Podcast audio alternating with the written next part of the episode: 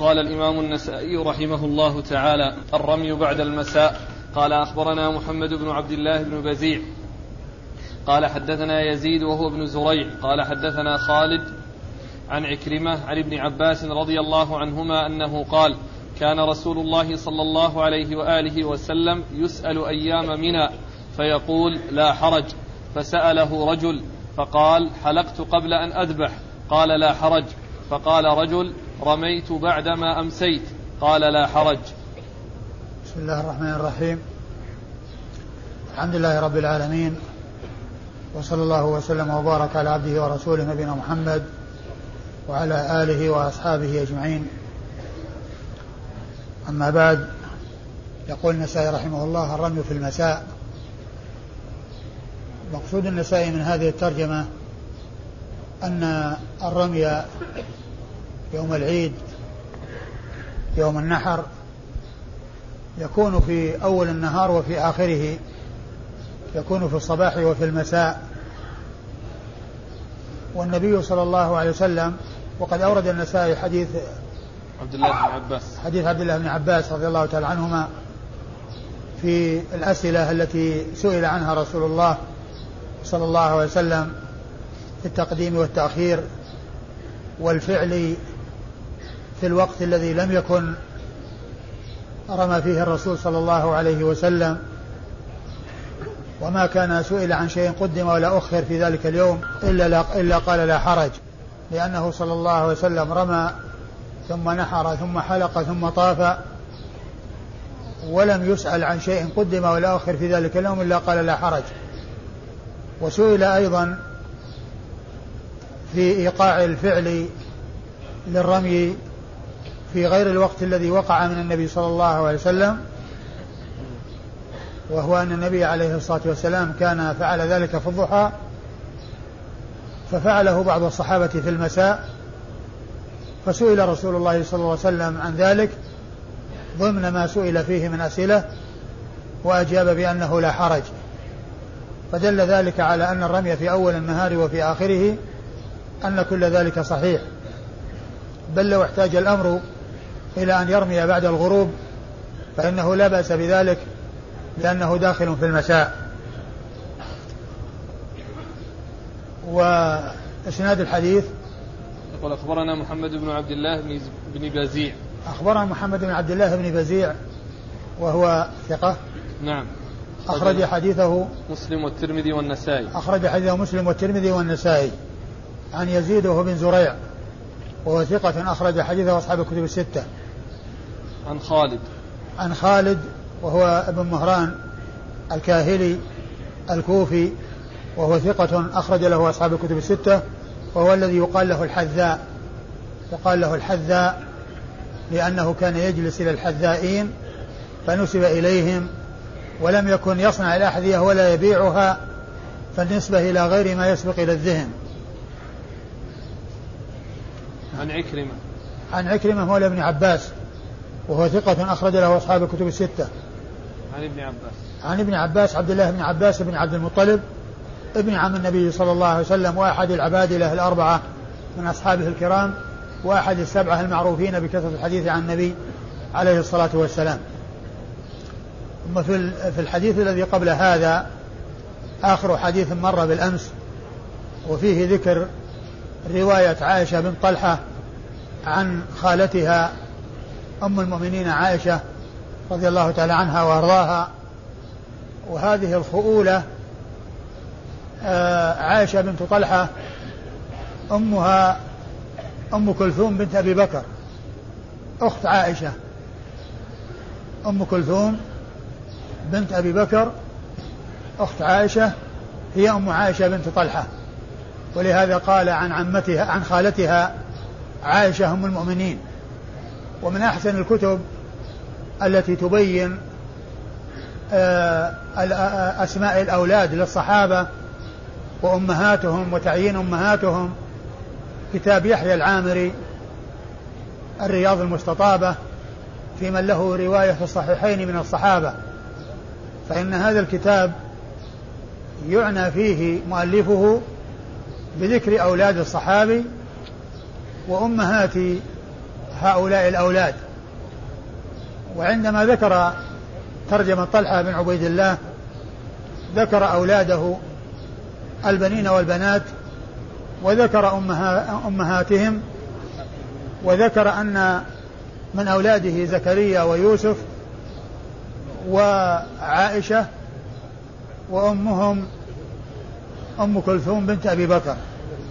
يوسف وزكريا وعائشة هؤلاء أمهم أم كلثوم بنت أبي بكر فقول فالقول في الإسناد عن عائشة بنت طلحة عن خالتها عائشة لأن أمها أي عائشة بنت طلحة بن عبيد الله التيمية أمها أم كلثوم بنت أبي بكر الصديق رضي الله تعالى عنهم. نعم. في الحديث آه، عن يحيى بن الحصين. نعم. وذكر مسلم لأن قلنا أن في نسخة بالأشبال في مسلم زيادة إلى أبي داود والنسائي بن ماجه. أيوه أيوه. بالمراجعة تهذيب الكمال نص على أن له رواية في مسلم. في مسلم. أيه. يحيى بن حصين أي نعم. أخرج له مسلم. وأبو داود والنسائي وابن ماجه. مسلم وأبو داود والنسائي وابن ماجه. نعم. قال رمي الرعاة. قال أخبرنا الحسين بن حريث ومحمد بن المثنى عن سفيان عن عبد الله بن أبي بكر عن أبيه عن أبي البداح بن عدي عن أبيه رضي الله عنه أن النبي صلى الله عليه وآله وسلم رخص للرعاة أن يرموا يوما ويدعوا يوما. ثم ورد النسائي الرمي رمي, رمي الرعاة. رمي الرعاة. رمي الرعاة. وهم الذين يحتاج إليهم في رعي الإبل. كانوا فيما مضى. يعني يرسلون الرعاة بالإبل لترعى والنبي عليه الصلاة والسلام رخص للرعاة بأن يرموا يوما و بأن إيش؟ أن يرموا يوما يرموا يوما ويدعوا يوما؟ يرموا يوما ويدعوا يوما. يعني معناه أنهم يرمون يوما ويدعون يوما ثم يرمونه بعد ذلك. يرمونه بعد ذلك. رخص لهم رسول الله صلى الله عليه وسلم. وذكر الترخيص يدل على الوجوب. ذكر الترخيص عن عن المبيت وعن عن ترك الرمي في نفس اليوم يدل على وجوبه وأن الرمي واجب وأن المبيت واجب بمنى. لأنه لو لم يكن واجبا ما ما احتاج الأمر إلى ترخيص. لم يحتاج الأمر إلى ترخيص.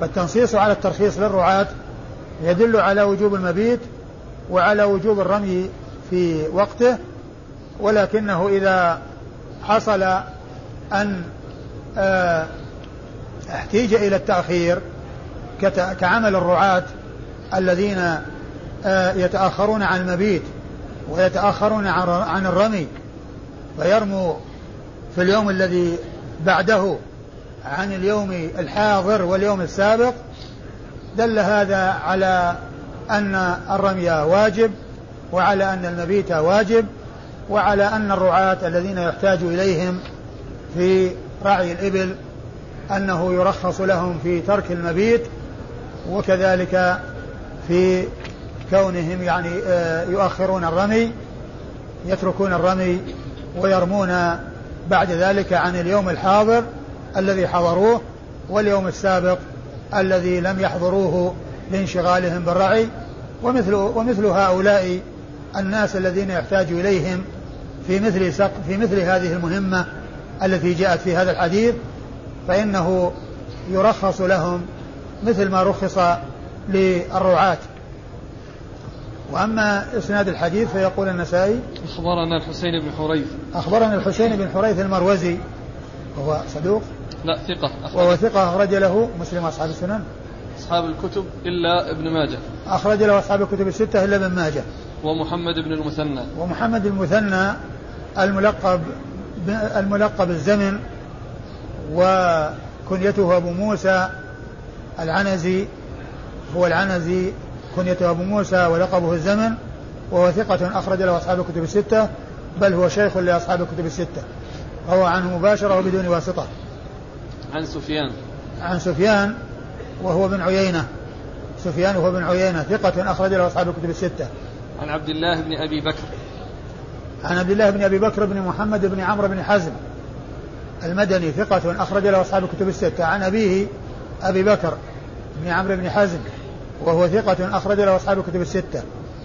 عن أبي البداح بن عدي. عن أبي البداح بن عدي وهو وقيل إن اسمه عدي وأبوه عاصم بن عدي وأبوه عاصم بن عدي وأبو البداح مشهور بكنيته وهو ثقة أخرج له أصحاب السنن.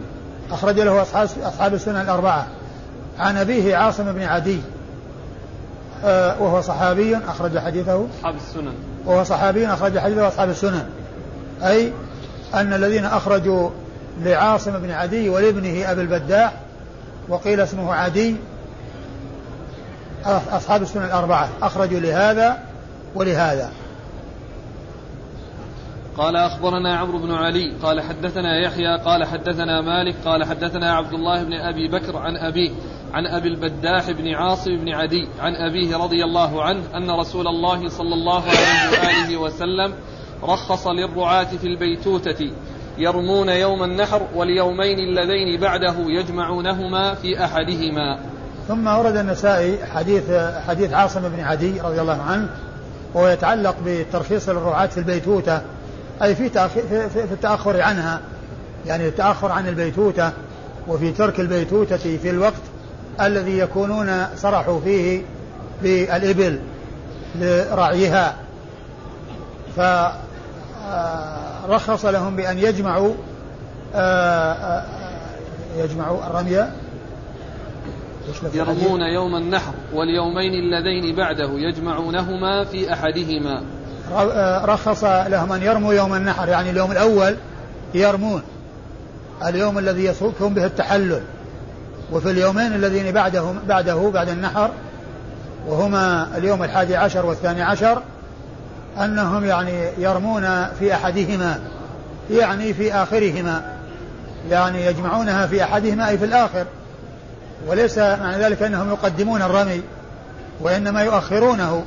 لأنهم يرمون يوم العيد ثم يذهبون ويأتون يوم الثاني عشر فيرمون عن اليوم الحادي عشر وعن اليوم الثاني عشر يرمون عن اليوم الحادي عشر وعن اليوم الثاني عشر فرخص لهم في ترك المبيت ورخص لهم في تأخير الرمي عن اليوم الثاني عشر الحادي عشر إلى اليوم الثاني عشر. وفيهما في الذي قبله من جهة ذكر الترخيص وأن ذلك يدل على الوجوب بالنسبة للمبيت وبالنسبة للرمي. والإسناد؟ قال أخبرنا عمرو بن علي. أخبرنا عمرو بن علي الفلاس. ثقة أخرج له أصحاب الكتب الستة بل هو شيخ لأصحاب الكتب الستة. عن يحيى. عن يحيى القطان يحيى بن سعيد القطان ثقة أخرج له أصحاب الكتب الستة. عن مالك. عن مالك بن أنس إمام دار الهجرة المحدث الفقيه الإمام المشهور وحديثه أخرجه أصحاب الكتب الستة. عن عبد الله بن أبي بكر عن أبيه عن أبي البداح عن أبيه. عن عبد الله بن أبي بكر بن عمرو بن حزم عن أبيه عن أبي البداح عن أبيه وقد مر ذكرهم. أحسن الله إليك. بالنسبة يعني من لم يكن من الرعاة ولم يكن يعني ممن شابههم. إنسان ساكن في منى. مثلا امرأة. بدل أن توكل تريد أن تؤخر رمي الحادي عشر إلى اليوم الثاني عشر. ترميهما جميعا. يجوز؟ ما ينبغي ما ينبغي التأخير. لا ينبغي التأخير لأن الرسول صلى الله عليه وسلم رمى في كل يوم ورخص للرعاة. وقال خذوا عني مناسككم لكن لو حصل أنه وجد شيء من ذلك فإنه لا يلزم شيء لكنه خلاف السنة وخلاف الأولى لكن لا يقال يلزمه شيء لأنه وجد منه الرمي في وقت الرمي وهو إن لم يكن في نفس اليوم إلا أنه يمكن الإنسان لو أخطأ في في يوم فإنه يقضيه في اليوم الثاني ولا شيء عليه يقضيه في اليوم الثاني ولا شيء عليه فكذلك لو أن الإنسان أخر لا أخر ليس, ليس عليه شيء. لكنه خلاف الأولى. وإن كان ممن هو متأخر يجلس إلى الثالث عشر يجمع ثلاث أيام؟ لا ينبغي له. أنا قلت لا ينبغي التأخير والجمع. لا ينبغي التأخير والجمع. ولو وجد ذلك لا نقول يلزمه شيء ولكن نقول إنه خالف السنة التي جاءت عن رسول الله صلى الله عليه وسلم. قال المكان الذي ترمى منه جمرة العقبة. قال أخبرنا هناد بن السري عن أبي محياه عن سلمة بن كهيل عن عبد الرحمن يعني بن يزيد. قال قيل لعبد الله بن مسعود رضي الله عنه إن ناسا يرمون الجمرة من فوق العقبة. قال فرمى عبد الله من بطن الوادي. ثم قال منها هنا والذي لا إله والذي لا إله غيره رمى الذي أنزلت عليه سورة البقرة. ثم أورد النسائي المكان الذي ترمى منه جمرة العقبة. وذلك من حيث الأفضلية والأولوية. وأما من حيث الصحة فإنه يصح من جميع الجهات. ما دام أنها تقع في الحوض وفي المرمى فإن الرمي صحيح. وسواء كان يعني في الدور الأول أو في الدور الأعلى كما وجد في هذا الزمان فإن الرمي كله صحيح. لكن مكان الرمي الذي يكون أولى وأفضل هو على الهيئة التي فعلها رسول الله صلى الله عليه وسلم والتي بينها ابن مسعود رضي الله تعالى عنه وهو أنه جعل منى عن يمينه ومكة عن يساره والجمرة أمامه ورماها بسبع حصيات وكذلك في الأيام الأخرى ترمى هذا الرمي لكن الرمي من جميع الجهات جائز ما دام أن الرمي في المرمى ما دام أن الرمي يقع في المرمى فإنه سائغ وصحيح وسواء وقع يعني سواء وقع من جميع الجهات أو وقع من الدور السفلي أو الدور العلوي. لأن المهم أن يعلم بأن الحصى وقع في المرمى وهو إذا رمى من فوق يقع الحصى في المرمى. لأن المكان الذي يجتمع فيه الحصى وينزل وهو مكان متدرج يعني ينزل رأسا إلى الحوض من جميع الجهات سواء كان من فوق أو من تحت. وكان في زمن الرسول صلى الله عليه وسلم المكان الذي ترمى منه الجمرة كان لاصقا بجبل. كان لاصقا بجبل وكان على شكل يعني نصف الدائرة لأن لأنه ليس كالأحواض الأخرى. التي يكون من جميع الجهات بل يكون الرمي من جهة واحدة والجهة الأخرى فيها جبل. وقد أزيل الجبل وبقي الحوض على هيئته والمكان على هيئته لم يزد من جهة الجبل بل بقي على هيئته وهذا هو الواجب الهيئة التي كان عليها. أزيل الجبل فبقي المكان الذي يرمى فيه على هيئته قبل أن يزال الجبل. فإذا رمي من جهة الجبل سابقا أو رمي من فوق فإنه لا بأس بذلك.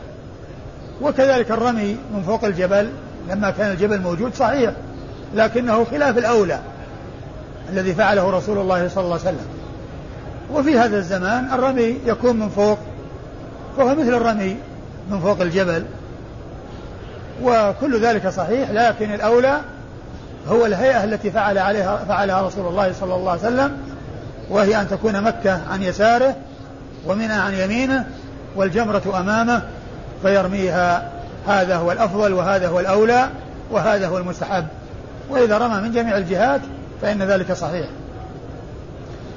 ولما قيل لعبد الله بن مسعود رضي الله عنه إن ناسا يصعدون الجبل ويرمون من فوق أخبر بأن الرسول صلى الله عليه وسلم يعني جعل مكة عن يساره ومنى عن يمينه وقال هذا مقام الذي أنزلت عليه سورة البقرة أي هذا مقام رسول الله صلى الله عليه وسلم الذي قامه والمكان الذي وقف فيه أو المكان الذي كان فيه لأنه كان على على بعير عندما رأى جمرة العقبة يوم العيد صلوات الله وسلامه وبركاته عليه.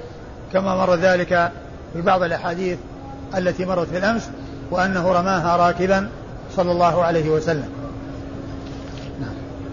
قال أخبرنا هناد بن السري. أخبرنا هناد بن السري أبو السري الكوفي ثقة أخرجه البخاري في خلق أفعال العباد ومسلم وأصحاب السنة الأربعة. عن أبي محياه. عن أبي محياه وهو يحيى بن يعلى التيمي وهو ثقة. أخرج له مسلم والترمذي والنسائي وابن ماجه. وهو ثقة أخرجه مسلم والترمذي والنسائي وابن ماجه. عن سلمة بن كهيل. عن سلمة بن كهيل وهو ثقة أخرج له أصحاب الكتب الستة. عن عبد الرحمن يعني بن يزيد. عن عبد الرحمن يعني بن يزيد أي النخعي وهو ثقة أخرج حديثه أصحاب الكتب الستة. عن ابن مسعود عبد الله بن مسعود صاحب رسول الله عليه الصلاة والسلام و آه، أخرجه أصحاب الكتب الستة. قال أخبرنا الحسن بن محمد الزعفراني ومالك بن الخليل. قال حدثنا ابن أبي عدي عن شعبة عن الحكم ومنصور عن إبراهيم. عن عبد الرحمن بن يزيد قال رمى عبد الله رضي الله عنه الجمرة بسبع حصيات جعل البيت عن يساره وعرفة عن يمينه وقال ها هنا مقام الذي أنزلت عليه سورة البقرة. قال أبو عبد الرحمن ما أعلم أحدا قال في هذا الحديث منصور غير ابن أبي عدي والله تعالى أعلم. ثم ذكر النسائي حديث مسعود من طريق أخرى وهو مثل الذي قبله. في طريقة الرمي وفي في في مكان الرمي. يعني مكة عن يساره وعرف عن يمينه. وقال هذا مقام الذي أنزلت عليه سورة البقرة. قال أخبرنا الحسن بن محمد الزعفراني. أخبر الحسن بن محمد الزعفراني وهو ثقة أخرج حديثه البخاري وأصحاب السنن الأربعة. ومالك بن الخليل. ومالك بن الخليل وهو صدوق أخرج حديثه النسائي وحده. عن ابن أبي عدي. عن ابن أبي عدي ومحمد بن إبراهيم. نعم. وهو محمد بن إبراهيم بن أبي عدي ثقة أخرج له أصحاب الكتب الستة. عن شعبة. عن شعبة بن الحجاج الواسطي ثم البصري وهو ثقة وصف بأنه أمير المؤمنين في الحديث وحديثه أخرجه أصحاب الكتب الستة. عن الحكم ومنصور. عن الحكم بن عتيبة الكندي الكوفي وهو ثقة أخرج حديثه أصحاب الكتب الستة. ومنصور بن المعتمر الكوفي وهو ثقة أخرج حديثه أصحاب الكتب الستة. عن إبراهيم. عن إبراهيم بن يزيد بن قيس النخعي وهو وهو فقيه وهو ثقة فقيه أخرج حديثه أصحاب الكتب الستة. عن عبد الرحمن بن يزيد. عن عبد الرحمن بن يزيد وهو خاله. خال إبراهيم النخعي يعني عن عبد الرحمن بن يزيد وهو أخو الأسود بن يزيد وقد روى عن خاليه الأسود وعبد الرحمن وعبد الرحمن بن يزيد هذا ثقة أخرج له أصحاب الكتب الستة. عن ابن مسعود وقد مر ذكره وقول النسائي آه أن منصور لم لم آه، لم يذكر في الإسناد لم يذكره إلا ابن أبي عدي يعني معناه أنه جاء من طريق ابن أبي عدي ذكر منصور في الإسناد ولم يذكره غيره ومن المعلوم أن ذلك لا يؤثر وسواء وجد منصور أو لم يوجد فيه شخص آخر يعني في الإسناد وهو من هو؟ الحكم الحكم بن عتيبة الحكم بن عتيبة. مقصوده أن ابن أبي عدي انفرد في ذكر منصور. أما الحكم بن عتيبة فقد جاء عن منصور وغير منصور. فقد جاء عن ابن أبي عدي وغير ابن أبي عدي. نعم. قال أخبرنا مجاهد بن موسى عن هشيم عن مغيرة عن إبراهيم. قال حدثنا عبد الرحمن بن يزيد. قال رأيت ابن مسعود رضي الله عنه رمى جمرة العقبة من بطن الوادي. ثم قال ها هنا والذي لا إله غيره مقام الذي أنزلت عليه سورة البقرة. ثم أورد النسائي حديث مسعود من طريق أخرى وهو مثل ما تقدم رماه من بطن الوادي وجعل مكة عن يساره ومنى عن يمينه وقال هذا والله الذي لا إله إلا هو مقام الذي أنزلت عليه سورة البقرة. حلف على ذلك للتأكيد ولجزمه ولتحقق من يسمع بأنه جازم وواثق بهذا الذي فعله والذي نسبه إلى رسول الله صلى الله عليه وسلم من أن مقامه وموقفه على هذه الهيئة التي هي من بطن الوادي مكة عن يساره ومنى وعرف عن يمينه. قال أخبرنا مجاهد بن موسى. أخبرنا مجاهد بن موسى وهو ثقة أخرج له مسلم وأصحاب السنن. وهو ثقة أخرج له مسلم وأصحاب السنن الأربعة. عن هشيم. عن هشيم بن بشير الواسطي وهو ثقة كثير التدليس والإرسال الخفي وحديثه أخرجه أصحاب الكتب الستة. عن مغيرة. عن مغيرة بن مقسم الضبي وهو ثقة يرسل أخرج حديثه يرسل أو يدلس. ثقة ربما دلس لعله. ها؟ ثقة أظنه يدلس أو يرسل ذكروا أنه يدلس عن إبراهيم. إيه، يدلس ولا سيما عن إبراهيم. أي نعم. أي نعم. أخرج حديثه؟ أصحاب الكتب. أخرج حديثه أصحاب الكتب الستة. عن إبراهيم عن عبد الرحمن بن يزيد عن ابن مسعود. عن إبراهيم عبد الرحمن عبد الرحمن بن يزيد عن ابن مسعود. وقد والحديث يعني فيه الرواية بالعنعنة وهو يدلس عن إبراهيم لكن الحديث كما عرفنا مر من طرق عديدة يعني غير طرق مقسم. وكلها عن إبراهيم النخعي أو بعضها عن إبراهيم النخعي وهي دالة على ما دل على هذا الطريق فالطريق تكون ثابتة وصحيحة ولا يؤثر فيها ذكر العنعنة بين آه إبراهيم بين آه بين آه بين مغيرة مغيرة بن مقسم وإبراهيم النخعي نعم. قال أخبرنا يعقوب بن إبراهيم قال أخبرنا ابن أبي زائدة قال حدثنا الأعمش قال سمعت الحجاج يقول لا تقولوا سورة البقرة قولوا السورة قولوا السورة التي يذكر فيها البقرة. فذكرت ذلك لإبراهيم فقال أخبرني عبد الرحمن بن يزيد أنه كان مع عبد الله رضي الله عنه حين رمى جمرة العقبة فاستبطن الوادي واستعرضها يعني الجمرة فرماها بسبع حصيات وكبر مع كل حصاة.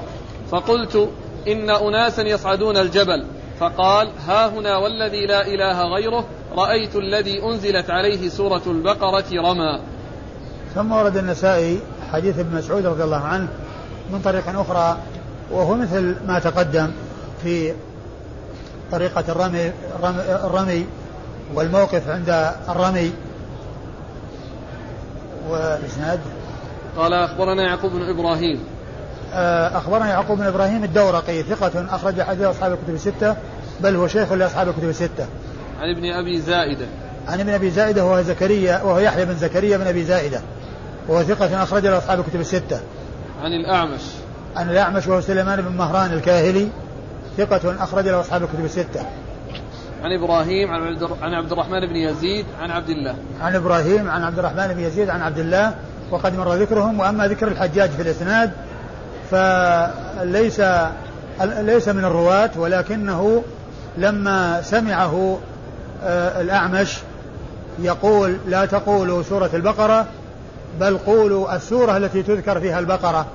ذكر ذلك الأعمش آه، لإبراهيم النخعي فروى الحديث الذي آه، عن ابن مسعود رضي الله عنه والذي فيه عبر ابن مسعود عن السورة بأنها سورة البقرة. وما قال هذا مقام الذي أنزلت عليه السورة التي تذكر فيها البقرة كما قال الحجاج. وإنما قال هذا مقام الذي أنزلت عليه سورة البقرة لأن السورة سميت بهذا الاسم. فما قاله الحجاج وأنكره يعني ليس بصحيح بل يجوز أن يقال سورة البقرة دون اللفظ الذي قاله الحجاج لأن هذا الصحابي الجليل عبد الله بن مسعود رضي الله عنه وأرضاه عبر عن هذه السورة بقوله السورة بقوله هذا مقام الذي أنزلت عليه سورة البقرة نعم. قال أخبرني محمد بن آدم عن عبد الرحيم عن, عن عبيد الله بن عمر وذكر آخر عن أبي الزبير عن جابر رضي الله عنه أن رسول الله صلى الله عليه وآله وسلم رمى الجمرة بمثل حصى الخذف ثم ورد النسائي حديث جابر. حديث جابر بن عبد الله رضي الله عنه أن النبي صلى الله عليه وسلم رمى الجمرة بمثل حصى الخذف وهذا لا يعني لا يدل على الترجمة من حيث المكان لأنه ليس في تعرض المكان وإنما فيه يعني يتعلق بمقدار الحصى لأنه يتعلق بمقدار الحصى وقد مر ترجمة فيها مقدار الحصى وأنه مثل حصى الخذف الذي يرمى به بين الأصابع لصغره فهو ليس صغيرا جدا وليس كبيرا وإنما هو فوق الحمص ودون البندق. فهو لا يتعلق بالترجمة من حيث ذكر المكان ولكنه يتعلق بمقدار الحصى الذي يرمى به وأنه بمثل حصى الخذف وأيضا يتعلق برمي الجمرة وحصول الرمي وثبوت الرمي. نعم. قال أخبرني محمد بن آدم. أخبرني محمد بن آدم وهو بن سليمان الجهني وهو صدوق أخرج حديثه أبو داود والنسائي. عن عبد الرحيم. عن عبد الرحيم بن سليمان وهو ثقة أخرج أصحاب الكتب. نعم. وهو ثقة أخرج أصحاب الكتب الستة. عن عبيد الله بن عمر. عن عبيد الله بن عمر بن حفص بن عاصم بن عمر العمري وهو ثقة أخرج أصحاب الكتب الستة. وذكر آخر عن أبي الزبير. وذكر آخر يعني أن في الإسناد شخص آخر مع مع عبيد الله. والغالب أنه ابن لهيعة. وكان النسائي عندما يكون في الإسناد يعني لا يحذفه ويسكت بل يذكر الإسناد كما كان ويرمز عن الشخص الذي ذكر ولم يسمه وقال وذكر آخر. يعني معناه أن آه، من هو الذي روى عن عبيد الله؟ عن عبيد الله؟ عبد الرحيم. عبد الرحيم. أن عبد الرحيم روى عن عبيد الله وشخص آخر لم يسمى النسائي بل اكتفى بقوله وذكر آخر. يعني أن عبد الرحيم يعني ذكر ابن لهيعة ذكر آه، عبيد الله وذكر ابن لهيعة والنسائي اقتصر على عبيد الله ولم يسمي ابن لهيعة وإنما قال وذكر آخر. أيوة. عن أبي الزبير. عن أبي الزبير محمد بن مسلم بن تدرس المكي صدوق يدلس وحديثه أخرجه أصحاب الكتب الستة. عن جابر. عن جابر بن عبد الله الأنصاري صحابي ابن صحابي وهو أحد السبعة المعروفين بكثرة الحديث عن النبي صلى الله عليه وسلم. قال أخبرنا محمد بن بشار قال حدثنا يحيى عن ابن جريج عن أبي الزبير عن جابر رضي الله عنه أنه قال رأيت رسول الله صلى الله عليه وآله وسلم يرمي الجمار بمثل حصى الخذف ثم ورد النسائي حديث جابر رضي الله عنه من طريق أخرى وهو مثل الذي قبله والإسناد قال أخبرنا محمد بن بشار. محمد بن بشار الملقب بندار البصري ثقة أخرج له أصحاب الكتب الستة وهو شيخ لأصحاب الكتب الستة. عن يحيى. عن يحيى القطان وقد مر ذكره. عن ابن جريج. عن ابن جريج عبد الملك بن عبد العزيز بن جريج المكي. ثقة فقيه يرسل ويدلس وحديثه أخرج أصحاب الكتب الستة. عن أبي الزبير عن جابر. عن أبي الزبير عن جابر وقد مر ذكرهما. قال عدد الحصى التي يرمى بها الجمار. قال أخبرنا إبراهيم بن هارون قال حدثنا حاتم بن إسماعيل قال حدثنا جعفر بن محمد بن علي بن حسين عن أبيه أنه قال دخلنا على جابر بن عبد الله رضي الله عنهما فقلت أخبرني عن حجة النبي صلى الله عليه وآله وسلم فقال إن رسول الله صلى الله عليه وآله وسلم رمى الجمرة التي عند الشجرة بسبع حصيات يكبر مع كل حصاة منها. حصى الخذف رمى من بطن الوادي ثم انصرف إلى المنحر فنحر. ثم ورد النسائي عدد الحصى الذي ترمى به الجمرات وأنها سبع.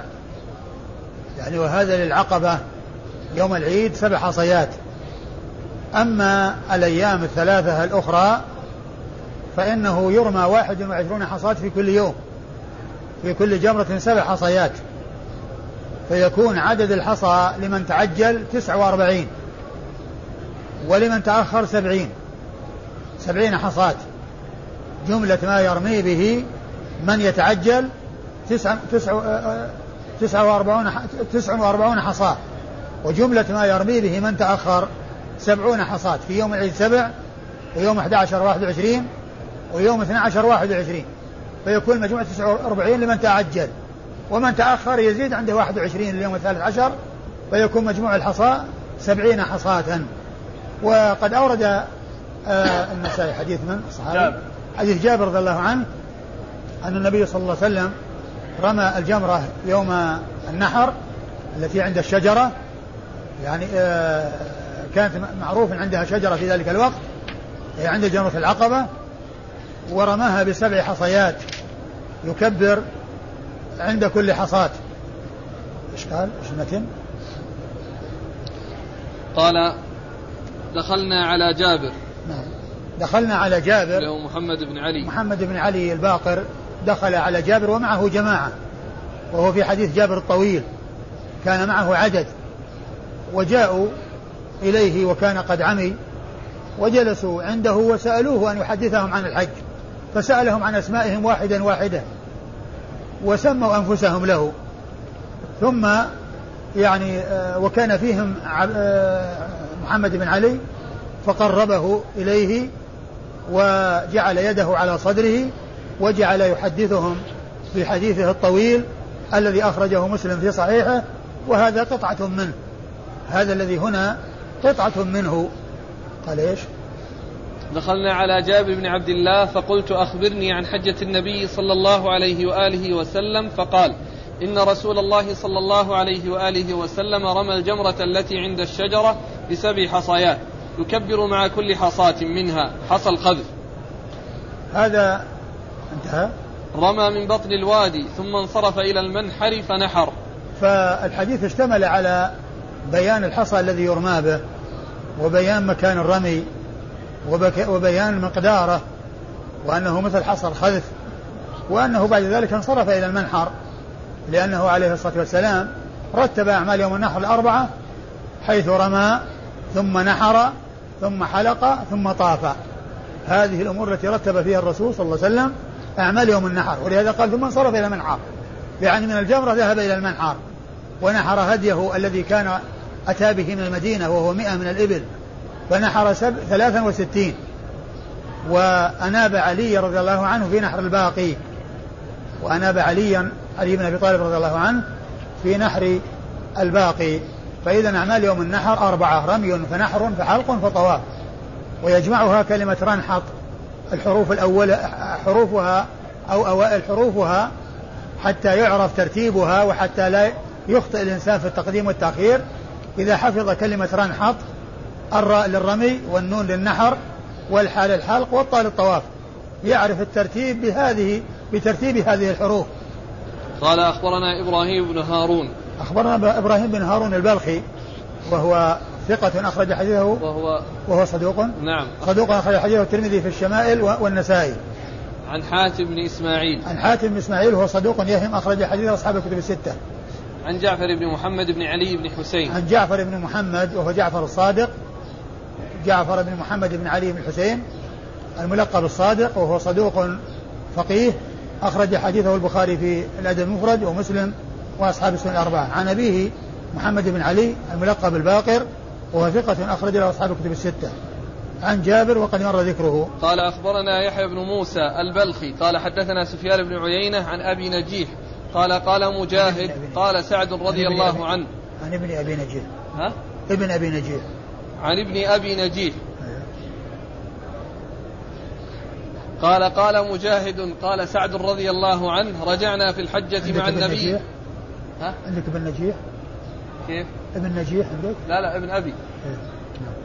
لا بس هو مضبوط بالتصغير. نجيح؟ إيه. إيه غلط اي نعم. نعم.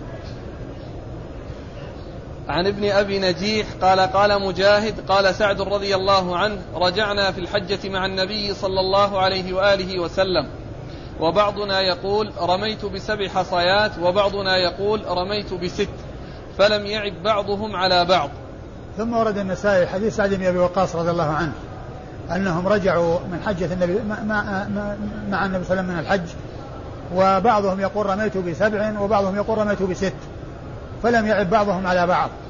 وهذا يدل على أن يعني لا يجوز للإنسان أن يرمي بست. الرمي بسبع لأن هذا هو الذي ثبت. لكن لو أن إنسانا لم يرمي إلا بست فإنه لا يكون عليه شيء.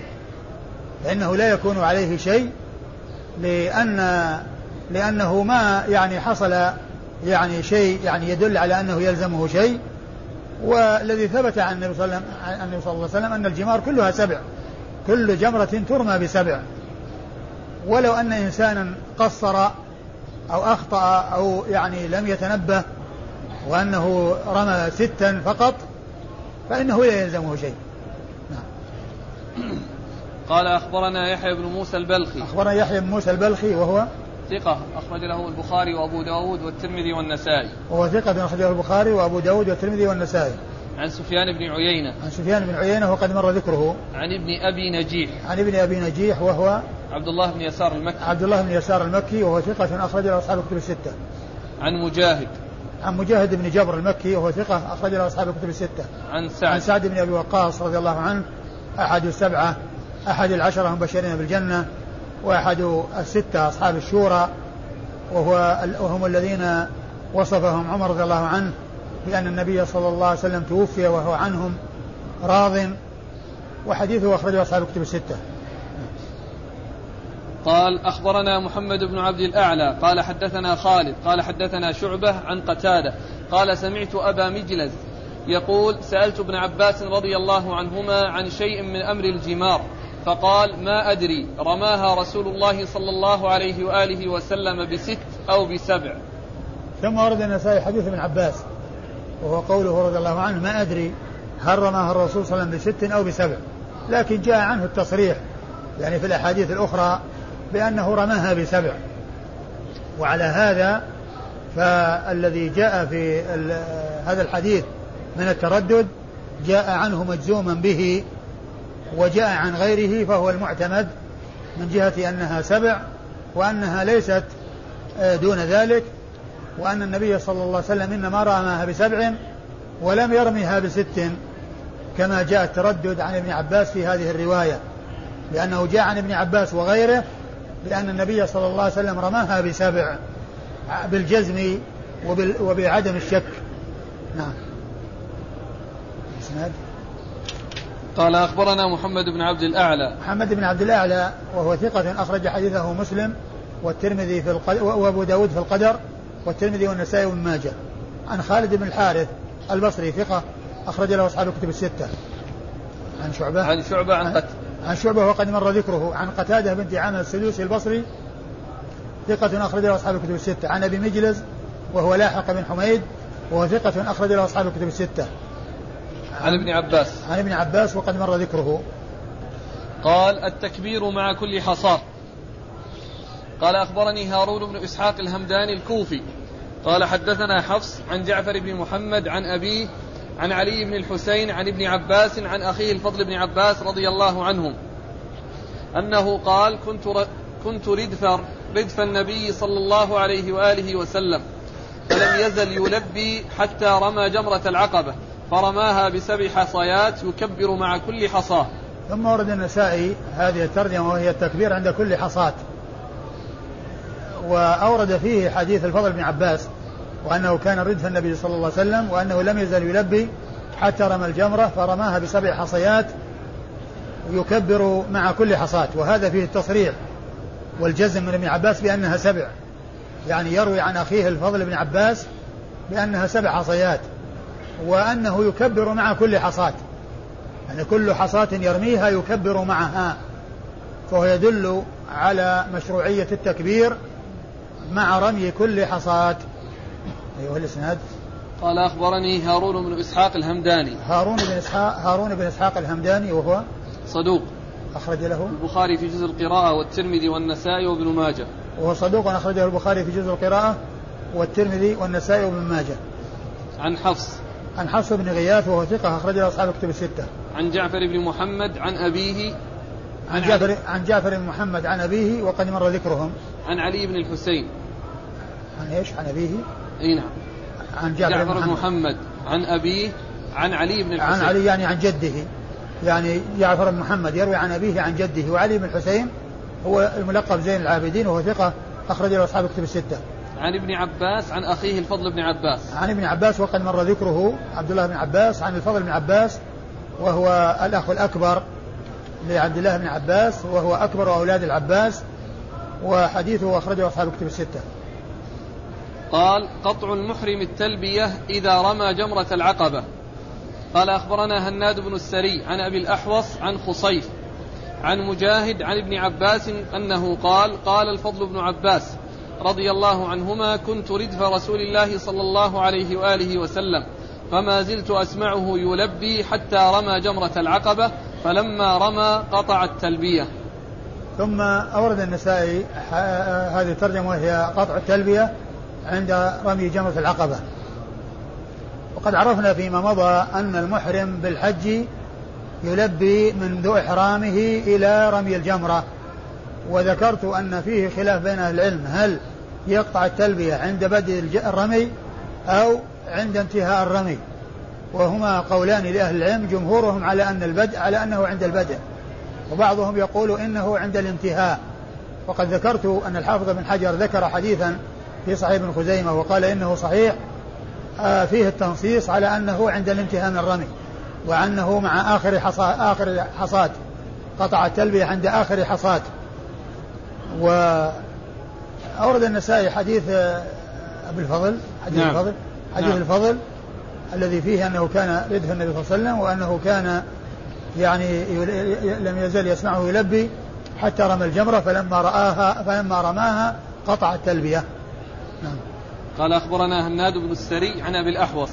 هناد بن السري مر ذكره. أبو الأحوص هو سلام بن سليم الحنفي ثقة أخرج حديث أصحاب الكتب الستة. عن خصيف.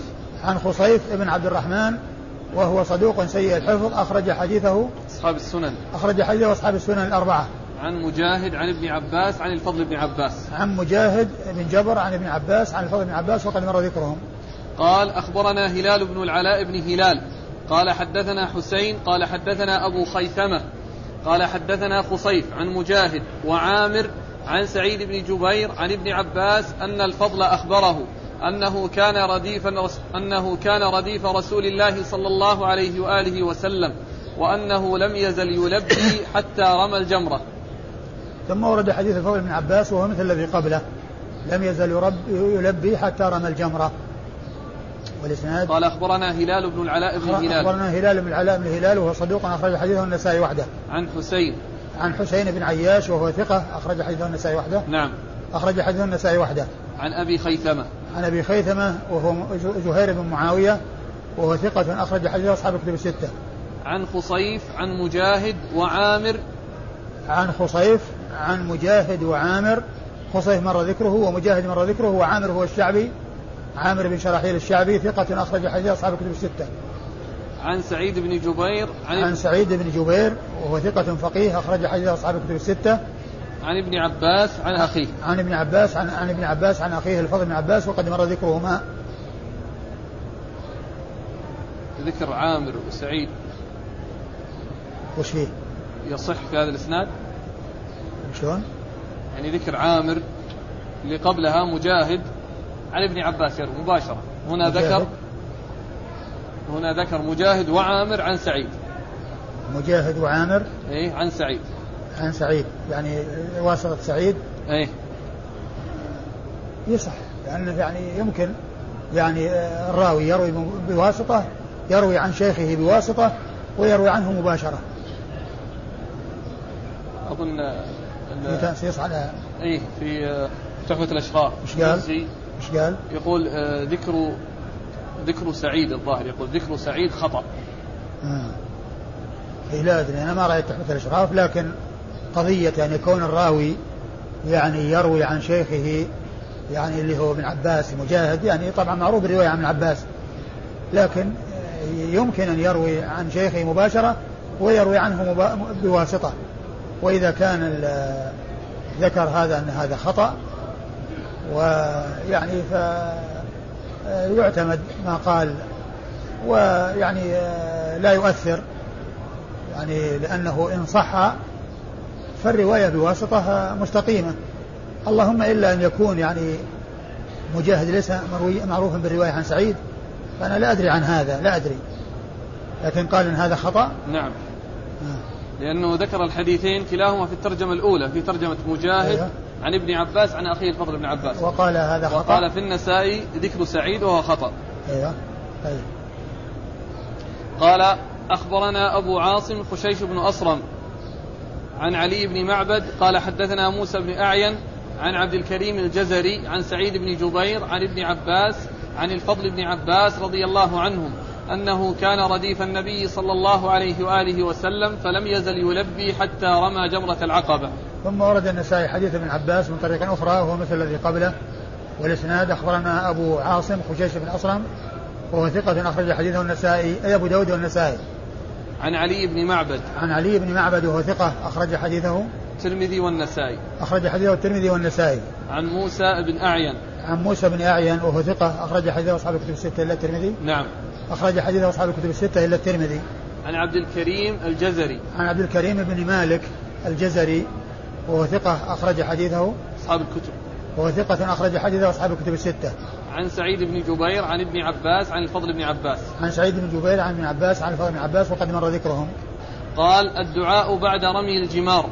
قال أخبرنا العبد عبد العظيم العنبري قال حدثنا عثمان بن عمر قال أخبرنا يونس عن الزهري أنه قال بلغنا أن رسول الله صلى الله عليه وآله وسلم كان إذا رمى الجمرة التي تلي المنحر منحر منى رماها بسبع حصيات يكبر كلما رمى بحصات ثم تقدم أمامها فوقف مستقبل القبلة رافعا يديه يدعو يطيل الوقوف. ثم يأتي الجمرة الثانية فيرميها بسبع حصيات. يكبر كلما رمى بحصاه ثم ينحدر ذات الشمال فيقف مستقبل البيت رافعا يديه يدعو ثم يأتي الجمرة التي عند العقبة فيرميها بسبع حصيات ولا يقف عندها. قال الزهري سمعت سالما يحدث بهذا عن أبيه عن النبي صلى الله عليه وآله وسلم وكان ابن عمر يفعله. الترجمة السابقة. الدعاء بعد رمي الجمار. ثم ذكر هذا الترجمة الدعاء بعد رمي الجمار يعني رمي الجمرة الأولى والثانية يعني في أيام التشريق لأن الأولى والثانية لا ترمى في يوم النحر وإنما ترمى يعني في أيام التشريق.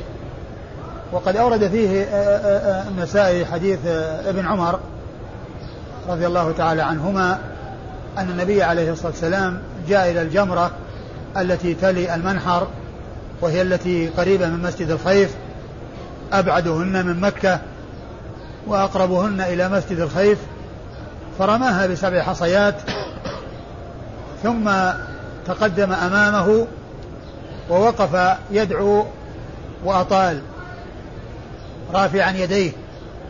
وهذا من المواضع التي ترفع فيها الأيدي في الدعاء. ثم إنه أتى الجمرة الثانية الوسطى فرماها بسبع حصيات ثم انحدر وأخذ ذات الشمال. يعني ما كان مثل الأولى تقدم أمامه رأسا وإنما أخذ جهة, جهة الشمال واستقبل القبلة ورفع يديه يدعو ثم أتى الجمرة التي هي جمرة العقبة ورماها بسبع حصات ولم يقف عندها. ورماها بسبع حصيات ولم يقف عندها. نعم والإسناد؟ قال أخبرنا العباس بن عبد العظيم العنبري. العباس بن عبد العظيم العنبري وهو ثقة أخرج حديثه البخاري تعليقا ومسلم وأصحاب السنة الأربعة عن عثمان بن عمر عن عثمان بن عمر العبدي وهو ثقة أخرج حديثه أصحاب الكتب الستة عن يونس عن يونس بن يزيد الأيلي ثم المصري وهو ثقة أخرج حديث أصحاب الكتب الستة. عن الزهري. عن الزهري ومحمد بن مسلم بن عبيد الله بن شهاب الزهري ثقة فقيه أخرج حديث أصحاب الكتب الستة. عن سالم. عن سالم بن عبد الله بن عمر بن الخطاب وهو أحد العبادلة وهو أحد السبعة المعروفين وهو أحد السبعة وهو أحد العباد وهو أحد الفقهاء السبعة على على على أحد الأقوال الثلاثة في السابع منهم. وحديثه أخرجه أصحاب الكتب الستة. عن أبيه عبد الله بن عمر بن الخطاب رضي الله عنهما وهو أحد العبادلة الأربعة من أصحاب رسول الله عليه الصلاة والسلام وأحد السبعة المعروفين بكثرة الحديث عن النبي صلى الله عليه وسلم. قال باب ما يحل للمحرم بعد رمي الجمار.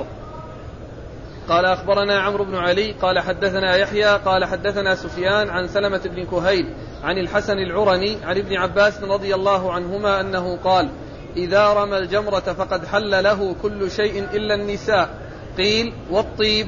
قال أما أنا فقد رأيت رسول الله صلى الله عليه وآله وسلم يتضمخ بالمسك. أفطيب هو؟ ثم ورد النسائي هذه الترجمة وهي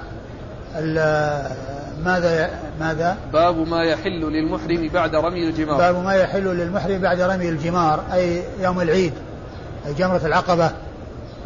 وأورد فيه حديث آه، ابن عباس. حديث ابن عباس رضي الله تعالى عنهما أن النبي صلى الله عليه وسلم قال إذا رميتم جمرة العقبة قال إذا لا هنا ما في رفع. يقول ابن عباس إذا إيه؟ رمى الجمرة فقد حل له كل شيء إلا النساء. يقول ابن عباس؟ اي نعم. أيوه.